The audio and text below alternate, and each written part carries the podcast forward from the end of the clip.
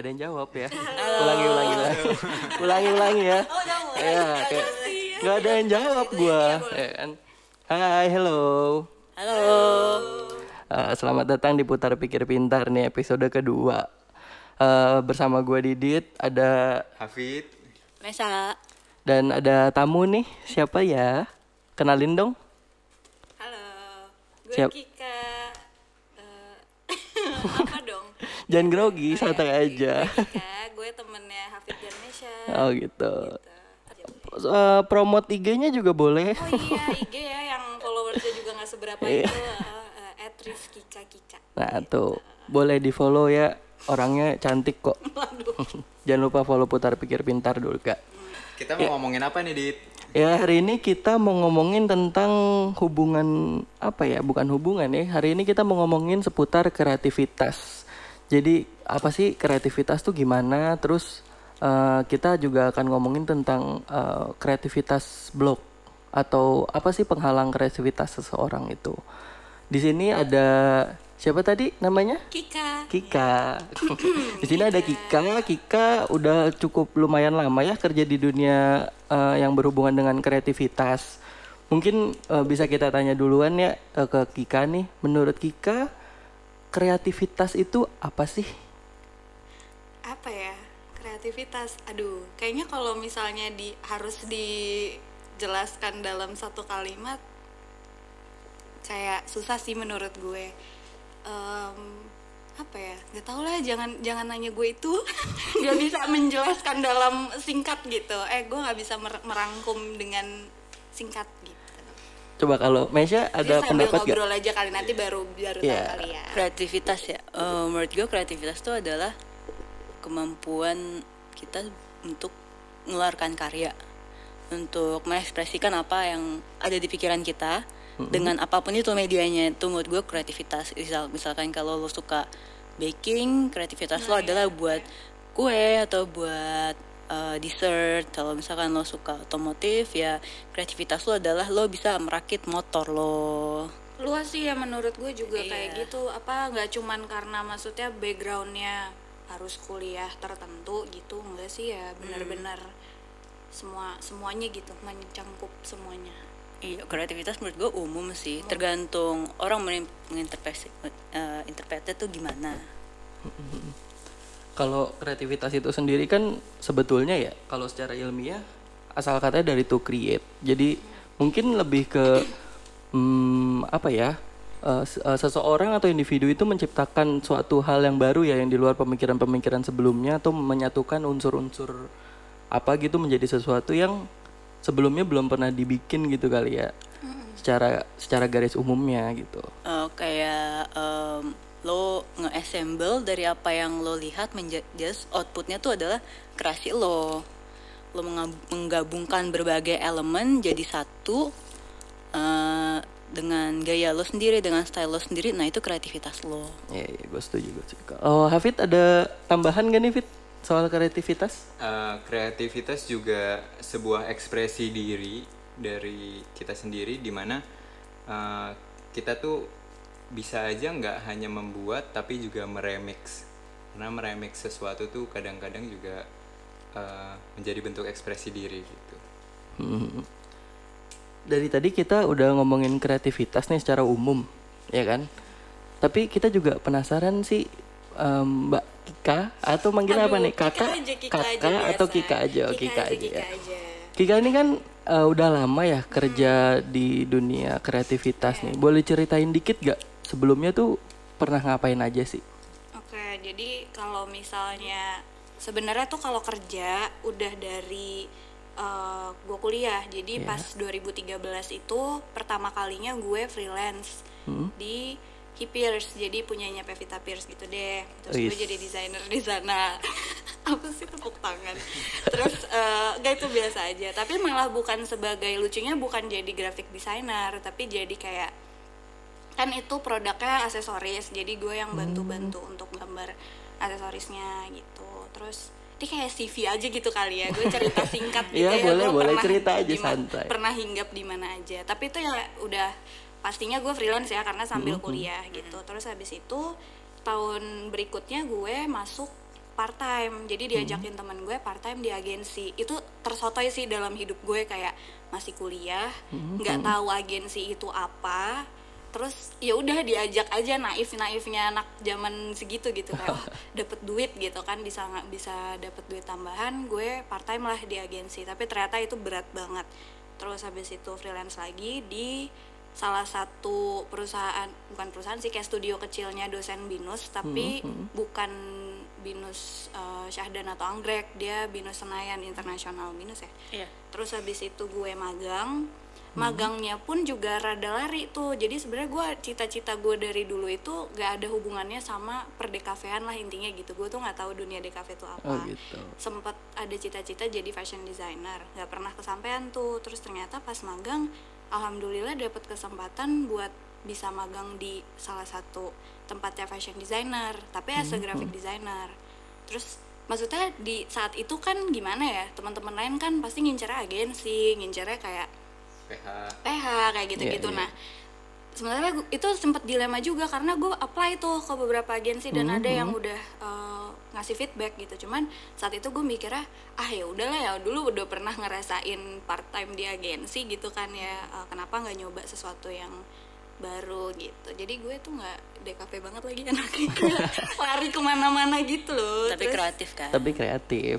Ya itu kan termasuk bentuk kreatif ya dia Iya, mencari iya hal-hal sih, baru kan na- nantinya lu juga punya referensi lain gitu kan. banget Jadi dan jadi kayak kebuka gitu loh bener-bener kayak oh ternyata emang seluas ini ya eh, bidang kreatif tuh Iya, gitu iya. walaupun ibaratnya cuma nama depannya aja kayak fashion designer graphic designer tapi sama-sama mirip aja gitu Iya, loh kayak semuanya butuh- tuh sama aja semuanya butuh kreativitas banget ya. betul gitu kalau menurut gue juga kekreativitasan nggak hanya di bidang seni ya benar tapi juga kayak misalnya lu jadi eh, teknik sipil lu Hmm, but lu jadi eh, bahkan akuntan pun kadang-kadang Akuntan, ya. dalam konteks tertentu mereka harus kreatif Harus untuk kreatif. mencari atau eh, me- Merumuskan. gitu merumuskan ya. betul Ha, ha, itu yang itu yang harus mereka eh, pakai kekreativitasannya Hmm. mereka jadi eh, sangat menurut gua sih sangat salah kalau misalnya eh, mengkotak-kotakan si bentuk kreativitasan itu Iya. Kalau di kota-kota kan jadi nggak kreatif lagi ya. Iya. iya benar Iya, sih jadi band ya kan wow Soalnya kan kreativitas tuh kalau secara umumnya kan kebebasan ya, kebebasan orang kan ya. Iya. Karena eh, kalau kreativitas itu dibatasi akhirnya jadi bukan kreativitas lagi kan. Eh, tapi- peraturan gitu Iya, jadinya jadinya kali peraturan ya, kali ya. peraturan tapi gitu. se- kekreativitasan itu akan sangat baik kalau misalnya ad- punya batas Punya miliki batasan memiliki gitu ya. batas tapi bukan sesuatu yang mengekang membatasi bukan membatasi Iya. ya bukan kayak Jadi eh, kayak misalnya kadang-kadang kita kan sebagai eh, pekerja seni juga nggak punya budget sebesar itu. Kadang-kadang itu bisa menjadi salah satu motivasi motivasi kita untuk eh, bikin yang sebaik-baiknya dalam budget tertentu gitu. Itu itu juga butuh kekreativitasan gitu. Mesya mau ada tanggapan nggak? Em, apa ya Ah, enggak sih kayaknya cukup sih jadi kan karena si Kika tuh udah banyak banget ya pengalaman kerjanya juga kayak kita tuh pengen tahu sih gimana insight dari dia tuh selama dia bekerja kan karena beda-beda dari freelancing part time full time terus ada bikin studio sendiri gitu itu gimana Nah kalau freelance, freelance sendiri sebenarnya apa ya? Kayak menurut gue freelance itu juga sebagian eh, apa ya? Termasuk dari pekerjaan juga gitu loh. Walaupun memang kayak nggak memang dia bukan full time, tapi gue kerap kali denger kayak orang tuh freelance nggak dianggap gitu gimana ya? Kayak ah itu mah bukan pekerjaan gitu karena nggak tetap karena nggak tetap padahal sebenarnya yang dihasilkan dari freelance juga Lumayan. lumayan kok Ya. bisa hidup gitu bisa hidup bisa nabung gitu Uh, itu sih yang menurut gue kayaknya pengen gue kasih tahu juga kalau mungkin dari temen-temen yang belum terbiasa gitu ya uh, tahu tentang gimana sih sebenarnya kehidupan freelance memang sih nggak digaji tiap bulan cuman uh, apa ya kayak malah nggak stuck gitu loh ngerti gak sih? Kayak nggak nggak gitu-gitu aja gitu. Terus kayak sama aja kok sebenarnya semua menurut gue tuh semuanya punya kekurangan dan kelebihannya masing-masing gitu sih. Kalau kesulitan rasa gue sih kalau kesulitan ya umum ya kayaknya setiap pekerjaan setiap bidang pasti punya kesulitannya masing-masing Kalau menurut gua kalau freelance mungkin kesulitannya lebih kayak ibu-ibu tetangga sih. Ya kan? Enggak. iya Ya kan iya. suka dijudge sama orang. Iya, kan? karena kan stigma masyarakat kita kalau namanya kerja itu harus kantoran. Nah, Fi. itu tuh padahal, maksud gue. eh, padahal kan nih kalau zaman sekarang kerja tuh ada macem-macem ya. Bahkan sekarang dulu yang mungkin ya untuk yang kayak misalnya orang yang suka main video game segala macem, Nah, iya, mungkin orang-orang sekarang lihat lu kerjaannya main doang. Padahal, Padahal- zaman sekarang itu bisa jadi Iya, sebuah tuh sebuah- pekerjaan yang lumayan menjanjikan ya kalau maksudnya bisa dari hidup itu. dari situ kok bisa Iya, nabung banget, juga gitu loh. Maksudnya gue menyayangkan eh, ini dari fenomena yang gue alami sendiri ya dan yang gue lihat pakai mata kepala gue sendiri jil bayi tapi beneran maksudnya gue ngerasa kayak oh apakah memang mungkin harus eh, maksudnya belum pada banyak tahu atau kayak gimana gitu ya. Maksudnya kayak sering banget oh misalnya seorang freelancer nih terus tiba-tiba dia full time terus ketemu nih sama temen-temennya. Oh dia sekarang udah kerja. Padahal menurut gua lah dari sebelum sebelumnya juga itu udah kerja, udah kerja, gitu. ya. sama aja sih menurut gue gitu. Eh, bahkan ada teman-teman ada teman gua dia eh, dulunya dia freelance tapi dia di Salatiga.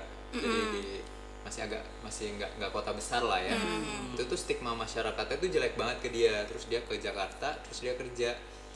Penghasilannya tuh cuman setengahnya dari waktu dia di Salatiga. Karena eh, kalau di Salatiga kan semua makanan murah dan lain-lain Iya, kan. benar. jadi dia tabungannya tuh jadi lebih sedikit. Hanya eh, kalau ibu bapaknya sih lebih seneng kayak gitu gitu kan. Itu kan yang harus eh, apa ya diubah pola pikirnya nah mungkin ya. itu sih kalau menurut gue. Jadi sama aja gitu loh mau full time mau uh, part time mau freelance gitu. Bukan berarti mereka nggak setiap hari ke kantor lantas mereka itu nggak punya pekerjaan gitu.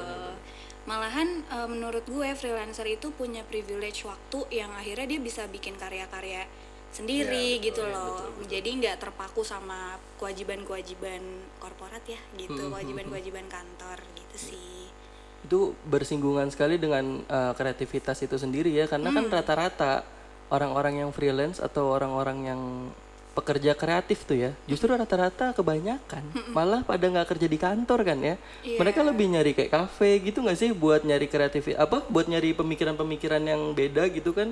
Kalau misalnya mungkin kalau orang-orang yang ber apa ya bekerja dalam dunia kreatif tapi kesehariannya hanya ke kantor gitu mungkin dia kreatifnya akan berkurang gak sih? Eh, berkurang sih enggak cuman stuck Iya, gitu gue Iya, gue kayak juga merasakan terbatas itu tadi kan? Maksudnya kayak eh, kalau ini gue pribadi ya lagi-lagi Iya. sudut pandang gue kayak aduh gue tuh suka ngerasa stuck juga kalau misalnya cuman ditaruh di belakang meja sama laptop Hmm, doang setiap hari bayangin deh gitu.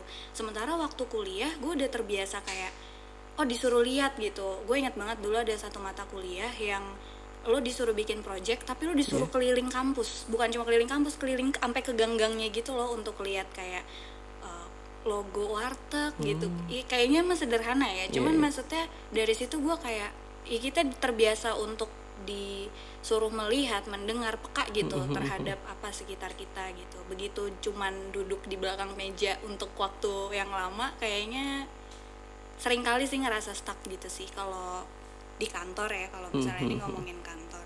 Ya jadi balik lagi kayak ada plus ada minusnya Ada minusnya gitu ya, setiap- ada enak dan gak enaknya. Tergantung preference orang juga. Kalau dia sukanya emang kerja di Kantoran. kantoran atau kerja freelance atau kayak ya udah eh, mau kerja eh, dalam durasi waktu misalkan berapa bulan terus dia cabut terus dia bikin freelance lagi ya itu masing-masing orang punya preference sendiri.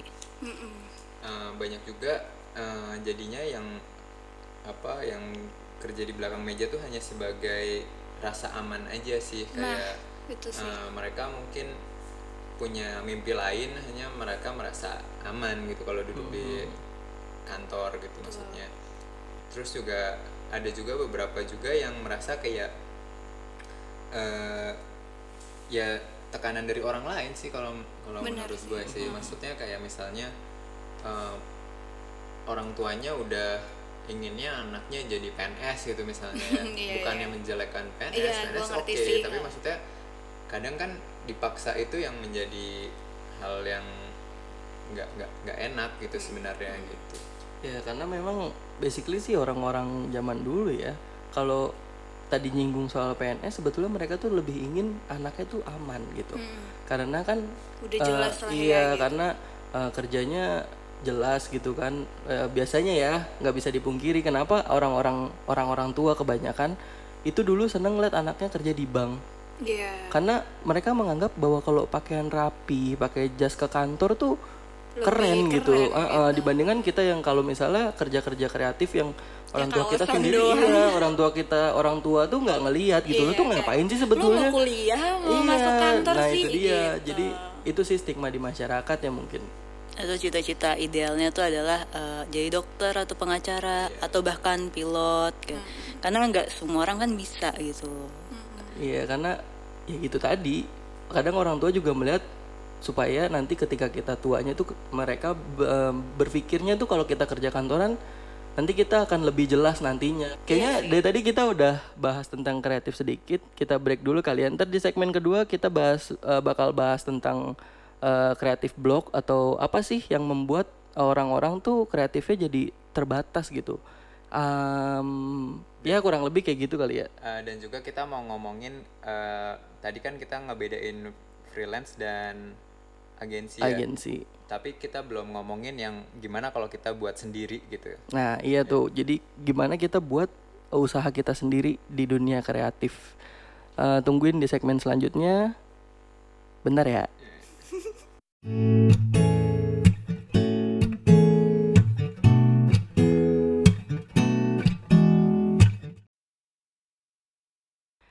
balik lagi di Putar Pikir Pintar. Segmen kedua nih. Em, kita sekarang mau bahas tentang kreatif blog ya, kreatif Iya, blog. betul. Eh, apa sih kreatif blog Fit? Sebenarnya kreatif blog itu mungkin eh, apa ya? eh, forbidden itu apa sih? Dit namanya yang jalan ketutup itu. Apa jalan buntu? Jalan enggak, tapi kalau jalan buntu kan udah selesai nih hidupnya. Iya, ah, ah, Ini lebih kayak eh, dicegat sama polisi gitu kan. Oh. Iya, jadi eh, dan setiap orang pasti punya caranya masing-masing untuk Ngelewatin. ngelewatin itu entah ada yang nyogok entah ada yang nah Obstacle, itu obstacle. ya, ya, itu eh, nah itu kita mau lebih bahas di segmen ini kali ya. Iya. kesulitan kesulitan ya betul. Dan cara eh, ininya apa kalian menanggapinya betul. Gitu coba. Apa coba? Yang dicoba ya Fit? ya? Eh, coba kita tanya dulu nih sama yang eh, yang sudah biasa di dunia kreatif ya kan ya? Aduh. Iya kan? iya iya sih Terus tadi kan dengar-dengar juga sempat ada apa ya? Punya usaha sendiri ya tentang dunia kreatif.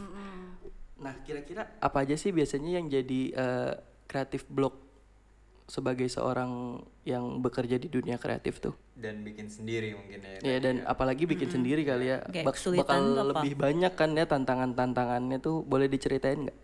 pastinya sih ini umum tapi rasa gue sih selalu pasti ini yang jadi kayak pemikiran pertama kayak mulainya itu loh gitu kan. Mulainya dulu itu tuh eh, perlu apa ya perlu keberanian dan kesotoyan aja sih buat kayak mulai. Tapi ada beberapa orang yang eh, itu sulit banget gitu kayak nggak nggak bisa mulainya gitu kayak nggak tahu harus mulai dari mana gitu.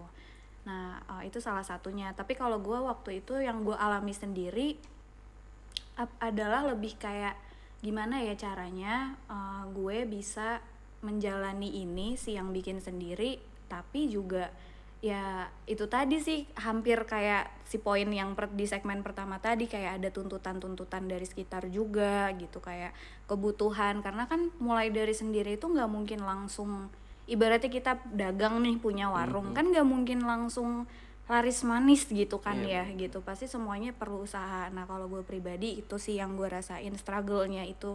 Kayak gimana caranya eh, bertahan gitu. Terus eh, mungkin kalau misalnya kayak gue nih misalnya gue berdua teman gue sambil ngantor. Nah itu juga eh, struggle tuh gitu. Gimana caranya bagi waktu sama kewajiban harus ngantor terus juga harus fokus di sebelah sininya gitu. kayak gitu-gitu sih kalau yang gue rasain ya Eh, kalau tadi kita ngomongin tadi sedikit tentang partner ya. Menurut kalian gimana sih eh, apa kalian nyari partner yang apakah partner itu sesuatu yang eh, bisa membuat kalian keluar dari kreatif blog atau gimana gitu? maksudnya kayak nambah nambah pemikiran lain gitu ya Ya. Oh, menurut eh, s- partner ya di kreatif blog itu penting sih buat nyari orang yang satu visi sama kita, yang satu circle sama kita karena kalau kita udah di circle yang satu frekuensi tuh ngalir terus idenya. Entah itu kadang ada kayak bosen atau misalkan lagi ngobrol, lagi makan, terus kayak oh kita kayaknya ada ide ini deh, oh kita kayaknya mesti kayak gini deh. Itu ngalir aja dari perbincangan-perbincangan yang pendek-pendek itu tiba-tiba bisa jadi serius, bisa jadi bisa dihasilkan sebuah karya. Ya, partner menurut gue tuh memang penting sih. Emang Sepenting itu sih menurut gue kayak nyari jodoh. Cocok-cocokan. Betul. Eh bener, tapi maksudnya gini loh, kalau nyari jodoh ya nggak cuman bisa se sama dengan partner ya, maksudnya nggak cuman eh, bisa dilihat oh dia lulusannya sama kayak gue atau lulusannya lebih bagus dari gue.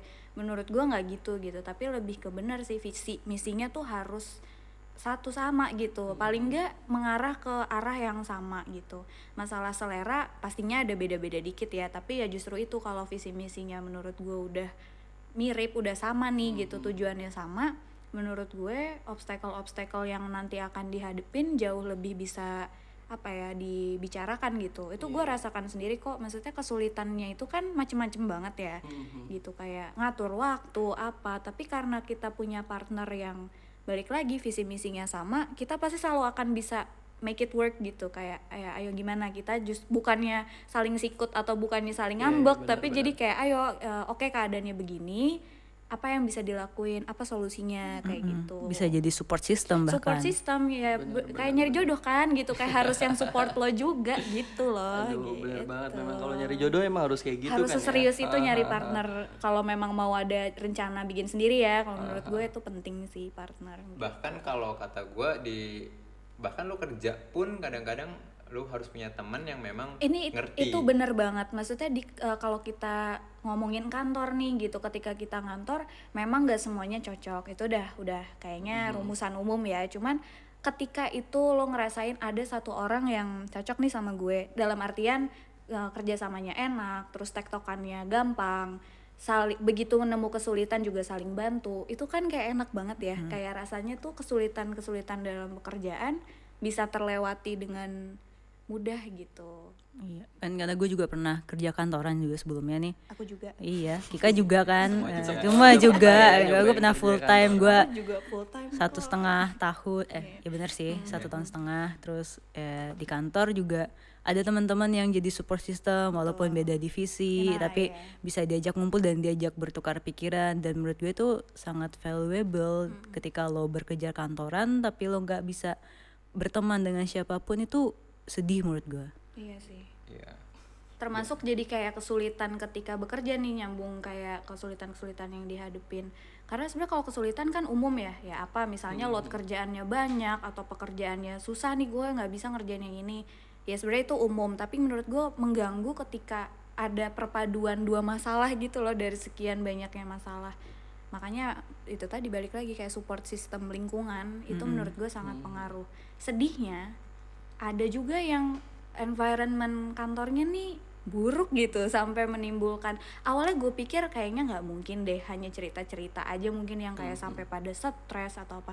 Tapi ternyata emang beneran ada lagi kayak yang oh ternyata bisa segitu ngaruhnya ya. Padahal kadang-kadang nggak direct ke kita maksudnya bukan bukan kita yang ngalamin tapi karena kita ada di di lingkungan, lingkungan itu, kita kita ngeliat kita mendengar itu super bikin gak nyaman sih. Artinya jadi ngaruh ke kerjaan mood kerja dan segala macamnya. Si kreativitas itu tadi yang harusnya Bisa blooming berkembang. terus blooming terus jadi kayak jujur aja ngehambat. Padahal kayaknya faktornya jauh banget gitu ya tapi ternyata di kenyataannya itu terjadi gitu. Jadi ya Iya, baik-baiklah kalian Emang memang harus baik-baik. Tapi juga salah satu yang penting adalah ketika kalian ada di situasi itu, di situasi kantor atau pekerjaan yang sudah tidak kondusif lagi, kalian tuh harus bisa ngambil keputusan. Ini adalah fight yang kalian beneran mau fight atau yuk atau ya udah selesai. Choose your own fight gitu. Dan dipikirin Dan juga. dipikirin bener juga. sampai matang sih kan kadang-kadang ada juga yang udah gitu loh saking nggak betahnya gitu kan ya. Tapi kalau menurut gue sepanas panasnya otak tetap harus dipikirin sih. Mungkin benefit dari sisi benefitnya ya. Mungkin kayak oh eh, lingkungannya nggak enak tapi misalnya lo ya kita mah jujur-jujuran aja ya. Kadang-kadang kan gimana harus ngidupin keluarga misalnya atau apa kalau memang masih ada faktor yang baik gitu yang masih bisa dipertahankan ya kenapa enggak dicari solusinya lah gitu. Tapi kalau memang sudah tidak menemukan kata sepakat kayak di infotainment infotainment gitu kan kayak kenapa bercerai? Aduh aku tuh udah gak sevisi misi gitu. Nah itu ya udah lepas aja gitu. Iya. jangan dipaksa. Bener sih Eh, daripada dipertahanin terus mengobarkan Iya, diri tapi kalian bukan sendiri maksudnya gitu kutu loncat ya karena Iya. suka pada fenomena kutu loncat ini kan lagi sering dibahas ya. Iya, itu juga. Karena menurut gue tuh beda gitu. Kalau kutu loncat lebih kayak ah bukan passion aku pindah Iya, kayak gitu. Nggak soalnya gitu. passion, Hmm, passion. passion kayak, gitu Kok kok kok kok lo pindah lagi sih? Eh, bukan passion gua, Ah, alah, iya, passion, Aduh, passion. Apa dong passion kamu gitu Ya kan. kan namanya juga anak muda ya, Iya, masih ngikutin masih ego kan, ngikutin ego. belum ada tanggung jawab.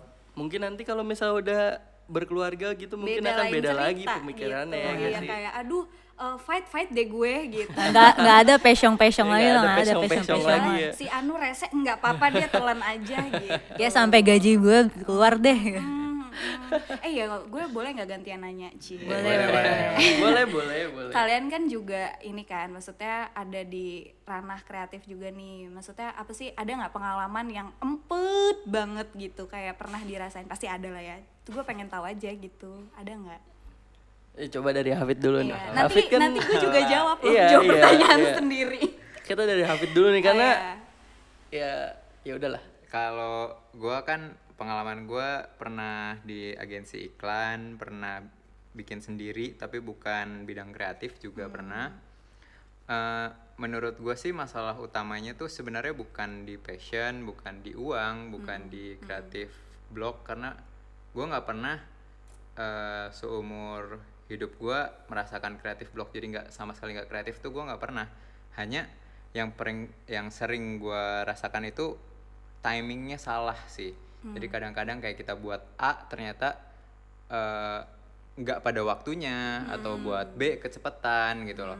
Eh, hal-hal itu yang kayaknya harus diisi sama pengalaman. Jadi bukan hanya eh, keberanian dan kreativitas, juga pengalaman juga kayaknya eh, butuh dan juga eh, kadang-kadang kita belajar dari orang lain yang memang lebih pengalaman Itu dari kita sih. itu juga bisa menyerap sedikit lah dari eh, kemampuannya mereka untuk menanggapi beberapa masalah gitu. Kalau lu gimana dit?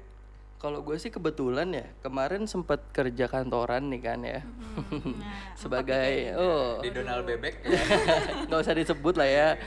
Pokoknya gue sempat kerja terus gue di bagian eh, sosial medianya kebetulan. Sebetulnya di sana status gue sebagai digital marketing. Tapi gue dipercaya untuk megang sosial media dan sendirian. Waktu itu nah kalau menurut gue masalah gue terhadap kreatif blog itu adalah rasa nggak percaya diri, terus juga eh, kritikan dari orang lain dan juga apa ya kayak gagal gitu itu salah satu menurut gue yang bikin gue jadi kayak sulit untuk kreatif. Pertama gue di sana memang kerja sendirian. Jadi gue harus mikirin apa aja yang harus gue update tiap harinya. Gue gue sebagai content creator juga.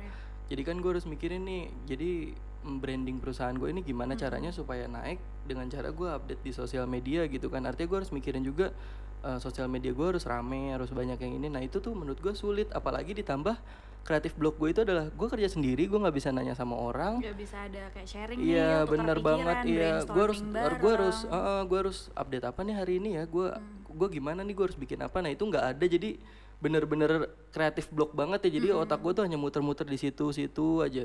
Nah terus eh, rasa apa ya? Takut dikritik mungkin ya. Karena kan Tapi itu eh, manusiawi sih Iya, karena kan kita buat bukan untuk diri kita sendiri ya, karena gue gue bekerja untuk perusahaan.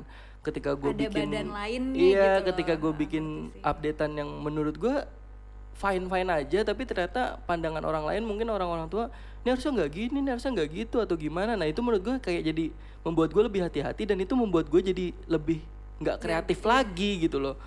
Kalau. M- apa kayaknya umum banget ya nggak cuma Iya. lo doang kok pasti hampir semua kita pasti ngerasain tuh Heeh, makanya ditambah lagi gue juga basically bukan ini ya, bukan bukan bukan bidang itu, gue lulusannya Jadi juga bukan bidang makin itu, ya. jadi makin-makin aja membuat itu. Tapi gue sempat survive sih Ya, 9 tapi bulan, tapi lah ya. akhirnya ya ya gitulah hasilnya nggak nggak kurang maksimal hanya ya Gak itu apa-apa, ini kan emang sharing empat bener ya, bener gitu ya. nah itu sekarang akhirnya gue coba cari pengalaman pengalaman di dunia kreatif ini Hmm. mungkin bisa jadi passion gue Oh, passion ya. Mungkin ya. Mungkin ya, siapa kita, tahu. kita coba kan namanya pengalaman. Ya pengalaman tuh kan berharga banget. Dan banyak Iya. pelajaran ya iya juga. banget. Kalau gue karena gue pernah di agensi juga branding agensi. Terus kemarin sempat di startup juga eh, kreatif blog juga. Iya kreatif blog tuh adalah menurut gue tuh selama gue bekerja tuh adalah ketika gue tuh udah 9 to 5 kerja nih. Terus kerjanya kayak gitu-gitu aja harus sesuai dengan template harus sesuai dengan brand image-nya. Terus kalau misalkan kayak tim gue udah ngasih kayak kita mesti kayak gini deh. Kita mesti a- pakai strategi ini untuk menggait banyak user. Terus kayak agak agak bisa. Kita nggak nggak mau ah kayak kayak gitu dari atasannya. Terus kayak ya kan. Jadi kita tuh punya banyak ide tapi tuh dari atasannya tuh nggak ngasih izin untuk melakukan hal-hal yang gila ya. jadi agak susah sebenarnya untuk eh, merealisasikan ide-ide gila itu dengan budget yang eh, sebenarnya nggak gede kok. Idenya tuh nggak budgetnya nggak memakan Nggak membutuhkan banget. iya nggak budgetnya nggak gede untuk ide itu. Cuman bisa guide banyak user ya harusnya kenapa enggak ternyata ya mereka nggak mau aja gitu Itu loh. ka- kadang-kadang ya atasan tuh kadang-kadang mikirnya gini loh mereka tuh kadang ya gue juga nggak tahu cuman kadang tuh mereka ingin hasil yang instan gak sih iya mereka Yang tuh ingin aja. iya, Yang- yang iya. cepet aja, yang Mereka instan aja. ketika kita melakukan branding atau iklan apa pun sebagai orang kreatif ya mereka tuh ingin hasilnya tuh langsung terlihat gitu padahal kan gak bisa gitu ya Ada sebagai orang kreatif ya. ah, ada prosesnya dari kita membuat konten itu sampai konten itu rame dan bisa diterima orang tuh ada prosesnya kan nah itu menurut gua kadang-kadang atasan tuh suka nggak ngeliat ke situ. Mereka hanya hitung-hitung tentang keuntungan dan budget yang harus dikeluarkan untuk Kayak bikin. uang uang dan Iya, uang bener tante bener gitu.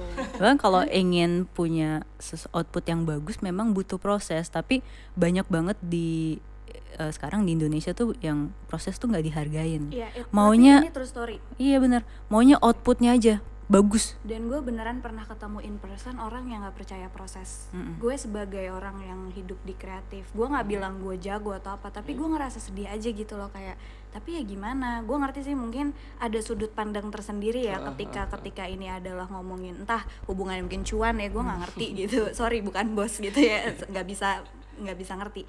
Cuman apa ya kayak sedih aja ketika ada orang-orang yang nggak terlalu percaya atau nggak mau berproses gitu Nggak Padahal mau menghargai proses. menghargai proses padahal memang gimana ya memang itu semua kenyataan dan emang harus melalui Iya. itu gitu loh gitu Iterationnya yang diutamakan. Mm-mm. kalau kadang-kadang kalau dilihat dari sisi atas gitu ya kita ngelihat dari sudut pandang dari atas Hmm, gimana tuh pak eh ngelihatnya gini kadang-kadang bos tuh hanya tahu yang dia inginkan tapi dia tuh nggak Tanpa- tahu eh, gimana needs-nya Nah, terus needs-nya. Apa bukan eh, proses proses lah proses dan perjalanannya ke situ tuh kayak lewat gimana sih? mana Ah, itu tuh mereka mana. kadang-kadang nggak tahu mungkin kayak kadang-kadang seorang bos hanya bisa melihat kayak gini wah sosial media gua kurang eh, apa Kurang ox nih. kurang ya artinya gua harus punya sosial media sosial media manager misalnya. Hmm. dan mereka kira hanya dengan meng-hire satu orang masalah itu selesai. Kadang-kadang gitu. Dan Tapi- seringnya gitu malah. Iya dan dan kebanyakan seperti kebanyakan Ya, begitu. Itu juga kita lihat dari generation gap ya kayak Iya. misalnya orang-orang yang eh, bukan hidup di dunia sosial media juga nggak ngerti cara kerjanya si sosial media ini dan se- se- sejauh apa kita harus eh, berkorban secara budget dan secara time tuh kadang-kadang mereka nggak nggak kebayang gitu lah nah itu yang harus eh, kadang-kadang kita sebagai karyawan juga bisa jadi eh, membuat pengertiannya sulit gitu kan. Mhm. gitu sih. Kalau kayak gue nih kalau gue nyambung sebenarnya idem sih semua yang kalian ceritain tadi tuh kayak gue juga pernah kalau kayak apa kreatif blog biasanya muncul kalau gue sih kalau ketika kalau nih kantor ya Hmm, um, misalnya ngomongin kantor ya ketika teman-teman lo nggak ada yang bisa diajak brainstorming nggak ada yang ya udah mah kerja kerja aja gitu. Iya sih ngerti kayak kadang-kadang kita dikejar-kejar waktu tapi buat gue brainstorming bareng itu penting banget. Walaupun kadang-kadang gini ah tapi kan cuma gini doang maksudnya uh, job desk harian. Ya menurut gue sih nggak apa-apa juga gitu. Justru karena job desk harian itu lagi begitu lagi kan terulang terus tuh setiap hari kan that's why lo kalau gue nih perlu banget yang namanya brainstorm sama temen. Walaupun beda divisi nggak kenapa-napa juga gitu. Yang penting saling tukar pikiran. Cuma kalau nggak enak sih dari sudut pandang warga nih boleh ya kayak itu kan tadi kreatif blok nih. Gue pernah juga lagi ngalamin yang kayak misalnya desain dipakai nggak dibayar tuh pernah. Terus eh, udah setengah jalan misalnya ini freelance gitu ya.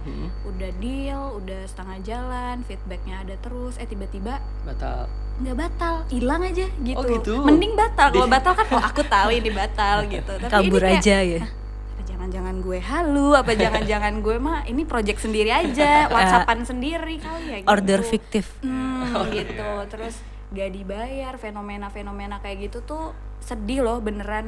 Tap dan sedihnya apa? Terjadi beneran gitu kayak banyak lagi yang ngalamin gitu. Yang sedih tuh yang kayak itu sedih tau gue gue waktu itu pernah freelance sudah bikin semua brandingnya terus eh, di tengah dia nggak ada nih hilang nih. Nah sama kayak gue ya Nah, kayak ah, ah, tapi- mana nih? gitu. beberapa bulan kemudian eh, brand gue dipakai. Nah iya, Nah, iya itu gue juga pernah kayak dipakai nih, di dirilis nih Iya, gitu tapi- kan, Hmm, tapi nggak tapi ada fontnya kabar. fontnya lebih jelek dari yang gue oh berarti ada di perubahan di- ya, ada perubahan ada perubahan supaya, sedikit. supaya nggak bisa di jadi Nah ini ngomongin yang terjadi ya, maksudnya pahit-pahit yang emang Iya, kejadian nih karena gitu. basically kan yang buat untuk perusahaan yang mungkin waktu itu nggak itu lu juga kan pasti orang kreatif juga kan nah dia juga pasti punya pikiran kayak kalau gua nyolong ini mentah-mentah pasti gua kena kan Iya. akhirnya dia mungkin pakai tema yang sama tapi itu jahat sih sebetulnya kan karena Maksud gue lebih enak ngomong sih nggak apa-apa tahu ngomong aja Iya. gitu. Kita tuh misalnya kayak ah gini, jadi kayaknya gue tengah jalan kayaknya misal pun nggak cocok atau apa kan banyak faktor ya sebenarnya. Ya kita juga lah, atau budget kurang ya nggak apa-apa. Maksudnya mendingan transparan aja. Kita juga bukan kayak nggak bisa ngerti gitu. Kita juga orang ya kak gitu. Rasanya tuh lebih sakit dari putus sayang sayangnya gitu. Maksudnya kayak, lah kan kalau putus jelas ya, oh gue diputusin gitu. Kalau ini kayak ngilang aja gitu apa nih ke mana nih gitu. Jadi Sama fiktif ya, tiba-tiba. fiktif gitu. Digantungin gitu ya. gantung sama dengan juga yang nggak dibayar. Nah itu sih kayak itu menurut gue tuh sedih. Atau fenomena yang kerap kali terjadi apa? Lembur nggak dibayar. Itu Hmm. juga Iya. sedih loh. Iya. Lo udah Itu revisi sering- berkali-kali. itu revisinya banyak terus eh, lembur. Padahal kan harusnya memang ada ya jam lembur. Gue nggak tahu sih kalau dari sisi apakah terlalu nggak mungkin anggarannya dikeluarin apa gimana gue nggak ngerti deh. Cuman banyak banget sering dengar cerita kayak gitu gitu kayak aduh gue lembur tapi gue nggak dapet apa-apa. Maksudnya kayak makan atau apalah gitu. Kayak Tapi kalau, sedih banget ya. gitu. kalau di dari segi peraturan sih lembur yang disengajakan ya. Jadi yang memang sengaja bukan gara-gara si pekerjanya. Eh, memang nggak bisa menyelesaikan ya memang nggak bisa menyelesaikan. Eh, jadi kayak misalnya bosnya ngasih jam 5 sore gitu ya itu itu harus dibayar. Dan kalau kalian nggak beberapa kali kena yang kayak gitu tuh sebenarnya itu bisa dituntut Mm-mm. Eh, tapi beda sama lembur yang kayak karena emang lo nggak mampu Iya, iya, menyelesaikan di jam kerja ya. Iya, betul. Itu Kalau mah itu- derita lo ya, gitu. Siapa makanya, suruh? siapa gitu. Siapa suruh? jam Eh, 4 gitu. makanya itu lo mah kemauan lo ya Ngobrol terus, Cek. Seneng nih yang dengerin suka ngomong gitu. Tapi ini mau nggak ngomongin negatif, maksudnya jadi kayak bukan julid ya, lebih kayak apa ya? Ya realita. Realita memang yang kayak memang begitu. ada loh yang kayak gitu yang digantungin banyak banget, yang desainnya dipakai nggak ngomong-ngomong juga banyak banget, yang nggak dibayar lembur banyak banget dan lain-lain. Oke. tantangan banget ya jadi orang-orang kreatif Eh, iya, ya struggle tahu. bukan nakut-nakutin tapi Bukan emang kayak begitu emang kayak beneran ada eh lagi. emang beneran ada emang harus mesti Dan diedukasi balik, gitu balik lagi ke orang-orangnya ya Hmm, udah harus pinter-pinter kitanya sih menyikapinya Iya. itu tuh kayak gimana Eh, ta- tapi ini juga sebenarnya kita mau kalau gue sih mau meluruskan kalau sebenarnya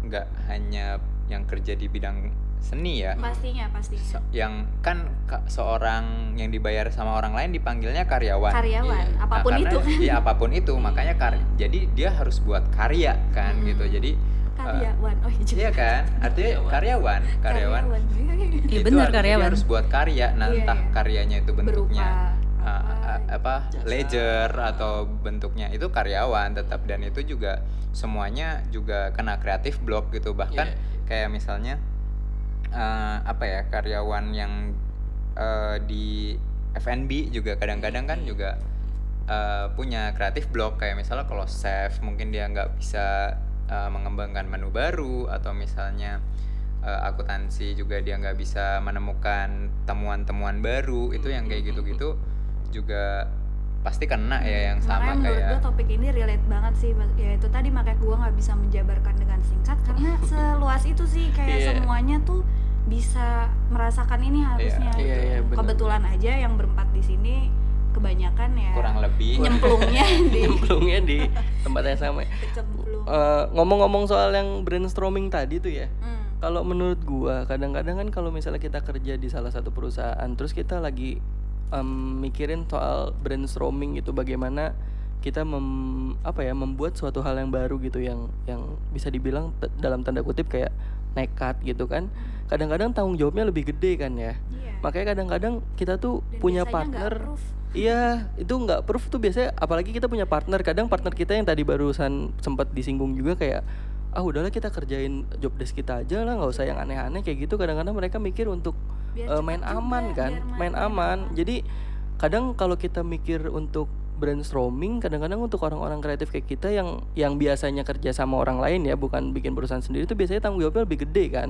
Kayak biasanya malah atasan tuh oke saya proof misalnya, tapi biasanya dia kayak ngasih tantangan kalau misalnya proyek kamu ini gagal, kamu bisa apa ngasih apa? Misalnya kayak gaji kamu saya potong semua atau kamu saya keluarin biasanya kan kayak gitu ya. Disuruh jadi mendadak penantang maut ya Iya iya gitu. jadi Iya. eh, tantangan seorang yang Padahal kreatif tuh kayak hanya- gitu. ba- hanya oh kita hanya berpikir kreatif yang tapi kenyataannya emang susah gue sendiri ngalamin betapa emang itu tuh sulit banget direalisasikan gitu kalau mau bikin ide-ide yang di luar dari gitu karena udah ada yang mereka nih sih apalagi kalau di kantor ya ada Hmm. udah ada kayak apa ya batas-batas gitu.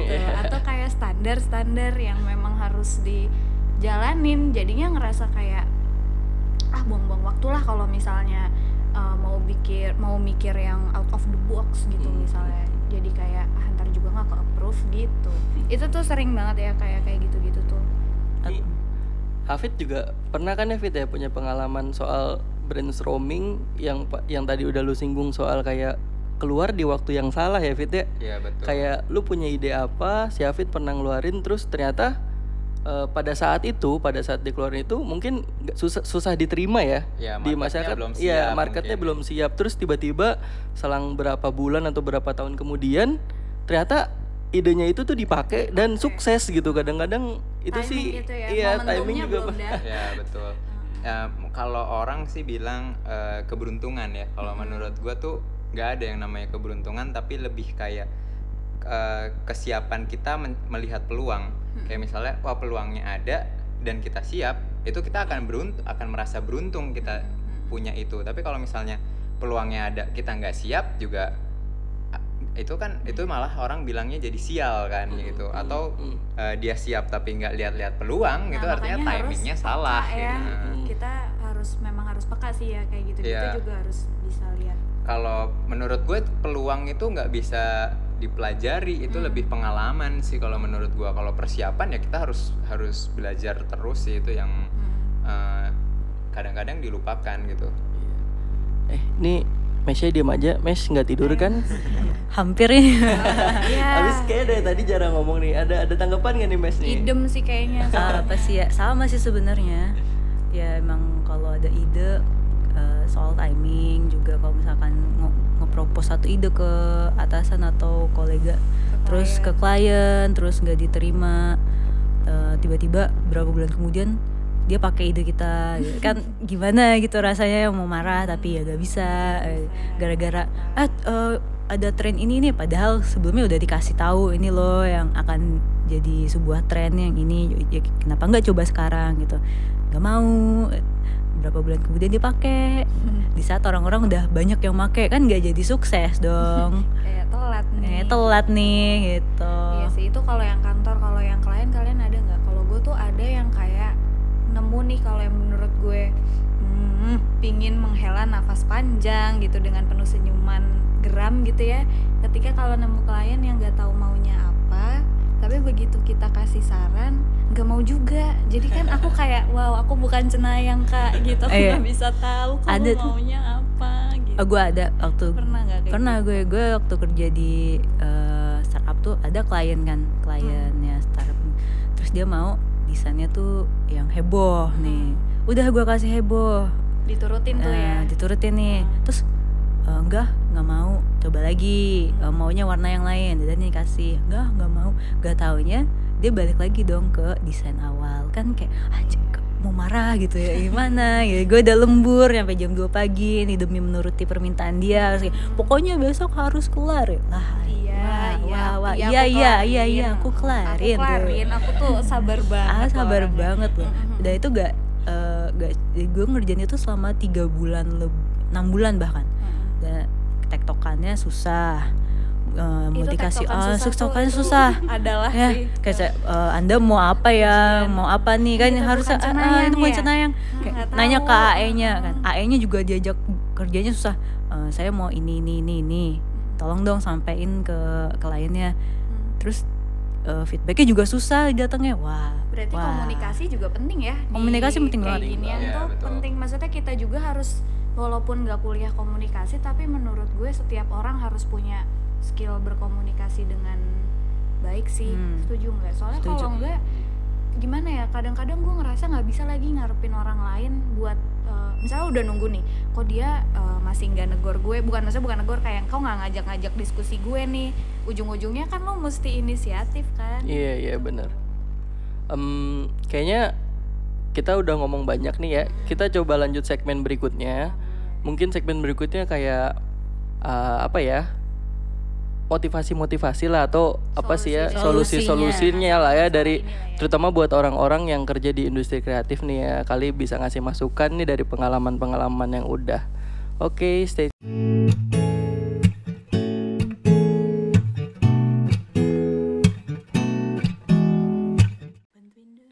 Welcome back putar pikir pintar asik. Dari tadi kan kita udah bahas eh, sisi kreatif dari apa ya dunia profesional kali ya. kesulitan yang seriusnya Nah gitu ya ya di ranah profesional lah ya karena hubungannya sama kantor, klien, eh, partner. Cuman sebetulnya kita orang-orang kreatif nih, even gua yang sebetulnya gua nggak profesional profesional banget, tapi sempet nih sekali-kali punya masalah bukan tentang profesional, tapi lebih ke temen, nah ya kan? ya kan? iya punya masalah dengan temen jadi kayak kita sebagai misalnya teman kita udah kenal kita sebagai wah kita bisa bikin desain nih kita bikin apa misalnya. Nah mereka kayak iya kayak logo gitu kan. Nah temen ini tuh kadang-kadang suka mikir kayak eh lu kan bisa bikin logo bantuin gua lah bikin lah gini lah. Kadang-kadang itu tuh gimana ya sebetulnya bagus untuk mengembangkan kreativitas kita ya. Tapi dari sisi lain terutama uang langsung sindir aja ya masalah uang kadang-kadang ini susah banget ya kalau urusan temen ya ini kalau kalian pernah ngalamin gak nih gue yakin semuanya pasti pernah Semuanya ini tuh pernah kayak ya? jeritan hati Jeritan setiap hati. makhluk eh, yang kerja di gini-ginian nih gitu Oh, re- lagi reuni sekolahan atau reuni sama Reuni teman-temanan ya. gitu Ajang "Eh, tuh, ajang ajang itu ajang kayak minta ajang bantu." minta bantu ya. eh lo kerja di mana ya agensi ya eh lo kerja lagi desain ya dong. kayak di logo dong eh lo kuliah ini kan di kafe atau lo kuliah desain kan? Wah bagus Jago nih jago Photoshopnya nih photoshopnya nih Padahal bagus bikin nih. logo pakai AI. padahal bikin logo nggak di photoshop juga. Salah. Kayak tapi tuh pasti ya lo gimana? Ada nggak cerita yang paling memorable yang kayak lo sampai sekarang masih uh gitu kalau gue bukan kayak teman ya tapi lebih kayak- jadi eh, adik gue tuh les. Hmm. ada gurunya ada guru private-nya kan. Nah guru private-nya dia tahu gue ini kuliahnya desain. Terus pada Hmm. suatu ketika kayak eh mbak Mesa bisa desain kan? Bisa bikin logo? Bisa bisa bu. Oh iya eh, kebetulan saya ini nih buka bimbel sama Hmm.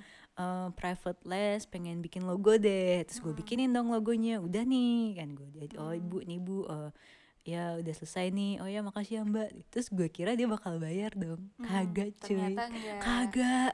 Terus eh, suruh sedekah eh, eh, buat terus lo, entah ya. beberapa beberapa bulan kemudian kayak "Eh, mbak Mesa eh, font buat logonya apa ya? Eh, ibu gak tahu deh. saya kasih. terus, terus gue bilang kan ceritanya kesel. gue bilang "Eh, saya udah ngasih fontnya bu di pak- package logonya. Jadi tinggal pakai aja tinggal diinstal Wah, itu udah udah nggak dibayar terus kadang minta ya cepet. Wah itu sakit hati temen sih. berarti belum pernah nih? Temen ada juga teman kalau kayak lagi tapi biasanya temen jauh ya kalau kayak gini tuh biasanya tuh malah temen-temen yang teman-teman jauh yang kayak sekedar kenal gitu kan kayak ya. ring kedua gitu. Kalau ring satu tuh kayak jarang Kalau ring satu jarang. alhamdulillah nggak ada lagi. Kalau yang jauh tuh ada eh Mas lo kuliah desain kan? Iya, bisa dong bikinin gua Iya. undangan nikahin. Nah, terus sambil Ah, nyikut-nyikut terus gitu Sampai nyikut-nyikut. logo dong, Kalau logo dong, logo gitu. dong. Hehehe. Terus ah, lah, elah, Sebel ini lagi gitu dah. kan, kayak, Wah, itu kalau udah ajang reuni sekolah sama reuni temen tuh udah pasti kayak, "Wah, lo desain kan? Wah, bisa nih sama gue. Mana kartu nama lo? Kartu nama lo." Tapi pas udah pas udah bikinin, terus kagak bayar, kayak harga enggak, tapi dipakai. Eh, harga temen dong, harga temen. Ya iyalah harga temen lagi. Gua kuliah 4 tahun ya beratus juta nih kagak Tenang, kagak gitu sabar, cuy. sabar. Kalau kalau gua sih untuk mengurangi hal kayak gitu waktu pertama kali eh, dimintain langsung ngasih invoice. nih, mau gak ya kan? Langsung, Langsung Segini ya. nih gitu. langsung, langsung segini. tapi nggak menjamin fit karena gue pernah yang serius juga tetap aja udah pakai invoice loh Nah, masih tapi- ada nih di laptop udah kayak serius tetap kayak nggak dibayar ya? tetap gak dibayar dan tetap dipakai gitu jadi kan kayak mm, mm, senyumin aja kali ya Senyumin gitu. aja ya. Tapi ya kadang-kadang yang kayak gitu bisa dijadikan kalau nggak mau ya namanya kan temen gitu ya. Jadi Hmm. susah kalau bawa di ke ranah seriusnya ke meja hijau kan susah kan. Iya, Jadinya susah. ya Meja berwarna hijau. Iya. meja maksudnya pingpong Ya, meja meja pingpong nih. maksudnya meja pingpong langsung lawan battle ya kan. Battle satu Susah. lawan satu. battle battle pingpong Iya, ya battle pingpong. Eh, tapi gue setuju sih biasanya orang-orang kayak gitu justru malah jadi kayak pertemanan-pertemanan yang jauh ya, Jauh, yang sebetulnya ring kita nggak. ring lima Iya, mungkin. Bener bener bener. Karena biasanya kalau teman deket yang bener-bener deket justru kita kadang Iya. dengan sukarela kadangnya kayak, sukarela, eh lu punya ini, ini gue bikinin deh logonya kayak ya kita ikhlas aja. Cuman nih orang-orang yang sebetulnya nggak pernah ngontak kita, ngechat kita atau bahkan apa gitu, terus tiba-tiba kayak tahu kita bisa cuma di sana, lihat DM aja eh cuma lihat IG story oh kayaknya dia desainer nih gitu Iya, terus bahkan kayak- kayaknya gitu bahkan kayaknya terus biasanya dibaik-baikin dulu ya kan Iya, dirayu-rayu Weh, apa kabar lo? Ya, desainer kondang nih, Cie. Biasanya gitu pembukanya. Terus sok-sok nanya, "Eh, lo pakai aplikasi apa sih?" Iya. Di mana Di sekarang? Ya, di Sibuk apa? Di Sibuk rumah apa? gitu kan. Di rumah nih gitu. Bisa bantuin gue nggak Ya, gitu. atau kan awalnya eh gue mau belajar nih bikin logo tau ngajarin gue aplikasi ini dong ujung-ujungnya kayak kita juga yang Oh, disuruh tapi itu modus gak sih kalau minta Modus. ajarin? kan kayak aku nggak bisa pakai AI ajarin dong Ah, gitu. ajarin dong akhirnya gue juga yang buat kan Aduh itu selalu ada ya kayaknya kalau gue sih yakin itu semua pasti pernah ngerasain. Tapi sebenarnya bukannya tega juga ya. Maksudnya ada kok beberapa yang emang kita ngelihat si orangnya itu dulu ya kayak dia siapa, gimana gitu. Kalau dirasa bisa bayar ya bayar lah. Kasihan kita tolong lah ya tolong lah ya. Tolong bayar dong. Kita tuh rakyat tahu kayak nyari duitnya di situ. saya bekerja untuk punya uang juga. Transport gojek mahal kalau nggak di diskon ya. Aduh gitu kayak transportnya. Terus meeting kan meeting nih. Meeting dulu lagi kan kayak gitu-gitu meeting ya? Meeting ada ada modal yang keluar gitu. Nggak dirembes lagi kan? Ya allah gitu loh. Tolonglah itu Penyebut. pekerjaan kita gitu kan ya. Iya kayak tolonglah. Tolong banget nih gitu. Kalian juga nggak mau kan kerjaan kalian dibayar gratis kan Nah itu juga tuh kayak misalnya kita juga ingin tahu nih kalau misalnya pendengar-pendengar kita yang bukan di bidang kreatif, Kreatif. kali ya kayak eh, akuntansi lagi ya gitu. kayak ada yang IT IT IT gitu ya. atau atau mungkin ada yang pernah minta tolong ke temennya nih Ya, nih, atau malah jangan-jangan kalian yang ya, itu eh, mau hujan ya. oh hujan ya. Petir Sedih, gede sampai banget. langit aja Eh, sedih eh, ya kan sampai dengerin marah kita ya. gitu kayak Marah sampai mendengarkan eh, curhatan kita gue ya. juga tuh gitu. Kalau misalnya ada yang dia pernah minta ke teman atau apa gitu bisa DM kita supaya gampang dibloknya sama kita. gue cuman kayak mau ngasih pesan kesianin lah ya temennya kesian lah gitu ya, kesian lah. Dia tuh juga mau beli pulsa gitu kan ya paket mahal kak gitu loh. Kesian loh kesian bener kayak KRL itu juga kan pakai duit ya. Ya, apa kita berangkat meetingnya Iya, gitu loh bener, pakai bener. duit gitu Semua loh. pakai ongkos, pakai uang lah ya. kesian lah kesian kita ini malas banget lo ceritanya. Dengan muka-muka sedih. Aduh kesian iya Wah, sound effect sound effect. Ini azab kepada temen yang suka minta. Oh, enggak gitu ya, enggak gitu ya. azab harga temen azab harga temen. Aduh. Azab Dari tadi kita ngomongin yang gak enak gak enaknya nih coba eh, di ujung segmen kali ini ya. Kita mau minta eh, pendapatnya sedikit nih buat pendengar-pendengar putar pikir pintar di luar sana yang mungkin ingin jadi atau ingin eh, masuk ke dunia kreatif. Kira-kira apa sih eh, pesan-pesannya nih buat pendengar-pendengar kita nih dari Mbak tamu kita? Kakak? Teteh? Teteh? Eh, yang lain dulu lah Oh, yang lain dulu ya. Coba eh, Mesya nih, yang dari tadi kalem banget nungguin hujan. Iya sih. Eh, apa ya tips ya buat masuk kreatif tuh jangan takut sih, jangan takut nyoba, terus banyak belajar. Kalau misalkan pengen bisa belajar desain tuh ya udah pelajarin aja pakai aplikasi apa, pakai software apa gitu kan. Atau eh, lihat-lihat YouTube juga. Kan banyak banget ya akses sekarang tuh. Tinggal belajar. Eh, terus juga yang namanya referensi dan lain-lain kan udah gampang banget tinggal nge-scroll bawah doang gitu kan atau juga tinggal eh, next next di instastory Iya.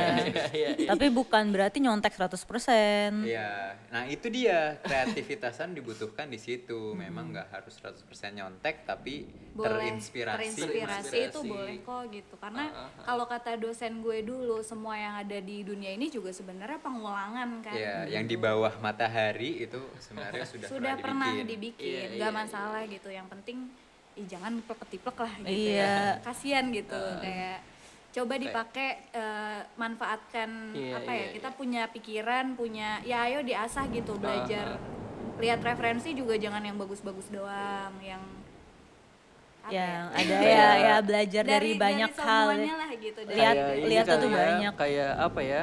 eh, carilah apa yang membuat lu beda gitu ya dari orang lain. Jadi jangan jangan 100% lu tiru. Mungkin bisa lu eh, implementasikan ke diri lu tapi jangan lu tiru sepenuhnya gitu Iya, kali ya. Terus kayak inspirasi itu menurut gue datangnya bisa dari mana aja. Iya. Kalau ada yang berpikir, ini gue nggak nyalahin, cuman emang kadang-kadang kan, oh cuma Pinterest, Behance atau Instagram, enggak ternyata menurut gue tuh nggak cuma ada di situ gitu. Lu lihat film, kadang-kadang kalau gue nih gue kenapa suka nonton film, suka nonton series, gue kadang-kadang nggak ngelihat ceritanya doang, tapi kayak apa nih estetiknya mungkin atau apa atau apa aja lah kadang-kadang nggak nyambung gitu, malah cerita juga bisa menginspirasi gitu loh kadang-kadang kayak dari mana pun kayak nggak nggak melulu harus dari satu tempat nggak melulu harus dari satu wadah di sekitar kita tuh ya inspirasi gitu sih kalau menurut gue Iya. Kayak dimanfaatin eh, kalau misalkan ada pameran atau exhibition ya coba Nah, sekali-sekali itu tuh- pergi. itu adalah uh, salah satu cara ya Iya. buat buat kayak itu ngasah stay taste design lot, stay banyak banyak banyak sharing banyak sama banyak teman-teman sharing juga terus. yang jam terbangnya udah lebih banyak yang lu rasa lebih ya ini nih gue akan lo- look up banget ke orang ini ya lu banyak tanya gitu Iya, lu karena dari tanya. pengalaman mereka kita bisa belajar tukar pikiran nggak apa-apa tahu nggak tahu gue juga banyak nggak taunya gitu kayak nggak apa-apa malah diakuin aja gitu makanya kita belajar kan Iya, nanya aja, nggak nanya. apa-apa nanya aja nggak apa-apa itu nggak di nggak Nggak. dimintain harga temen kok Gak dimintain harga temen. kan cerita-cerita doang Berarti intinya putar pikir pintar. Eh, Weh, oh gitu ya Iya, Aduh, ini- kondisinya makin nggak kondusif ya.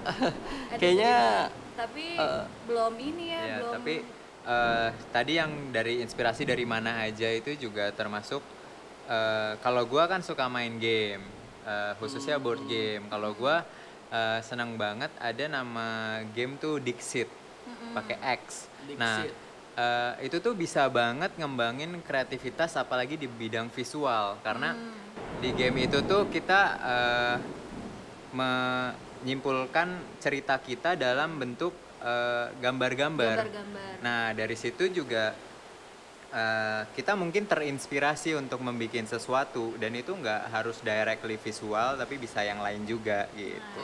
Jadi buat orang-orang nih ya yang yang mau coba mau coba asah kreativitasnya bisa coba main tuh board game yang tadi di eh, rekomendasiin sama Hafid tuh ya. Kayaknya eh, udah mulai hujan deras ya. Kayaknya udah nggak kondusif sekali. Terus eh, mungkin kita belum belum puas ya ceritanya masih banyak yang pengen diceritain. Udah Tapi kalau boleh nambahin biar kayak ada kolerasinya. Kalau Ha, menurut gue ha. kan tadi kan soalnya segmen 1, segmen 2 kita banyak ngomongin masalah.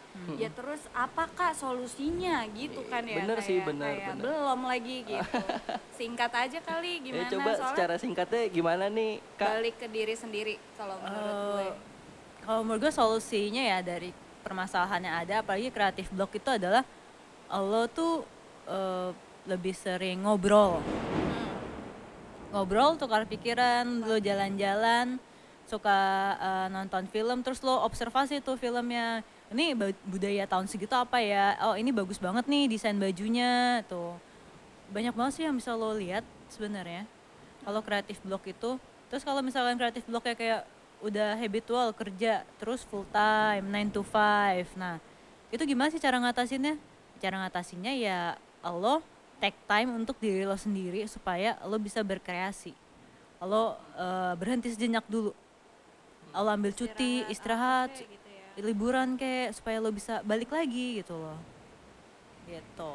Solusi solusi solusi. Pokoknya pikirin solusinya sih ketika ada masalah. Kalau menurut gue jangan cuman fokus di masalahnya tapi diselesain mau itu kecil mau itu gede gitu. Terus nggak usah terlalu dipusingin yang nggak terlalu gede yang nggak usah terlalu dipusingin sih gitu Eh, fokus cari solusinya aja gimana? Oke, jadi Kalau gue boleh gak? boleh boleh. Jangan jangan sedih gitu dong. Tenang tenang. Kita bisa bikin podcast ini sangat panjang sekali. Atau mungkin bisa kita bikin jadi dua part mungkin ya. Nah sekarang tambahan dari Afid nih. Eh, kalau gue mungkin mau menggabungkan semuanya ya. Kayak misalnya conclusion. Eh, ya, kayak misalnya tadi ada yang dari sisi eh, dapat inspirasinya dari mana. Ada juga yang komunikasi sama teman, eh, brainstorming. Eh, ada juga yang tadi eh, langsung lihat solusinya.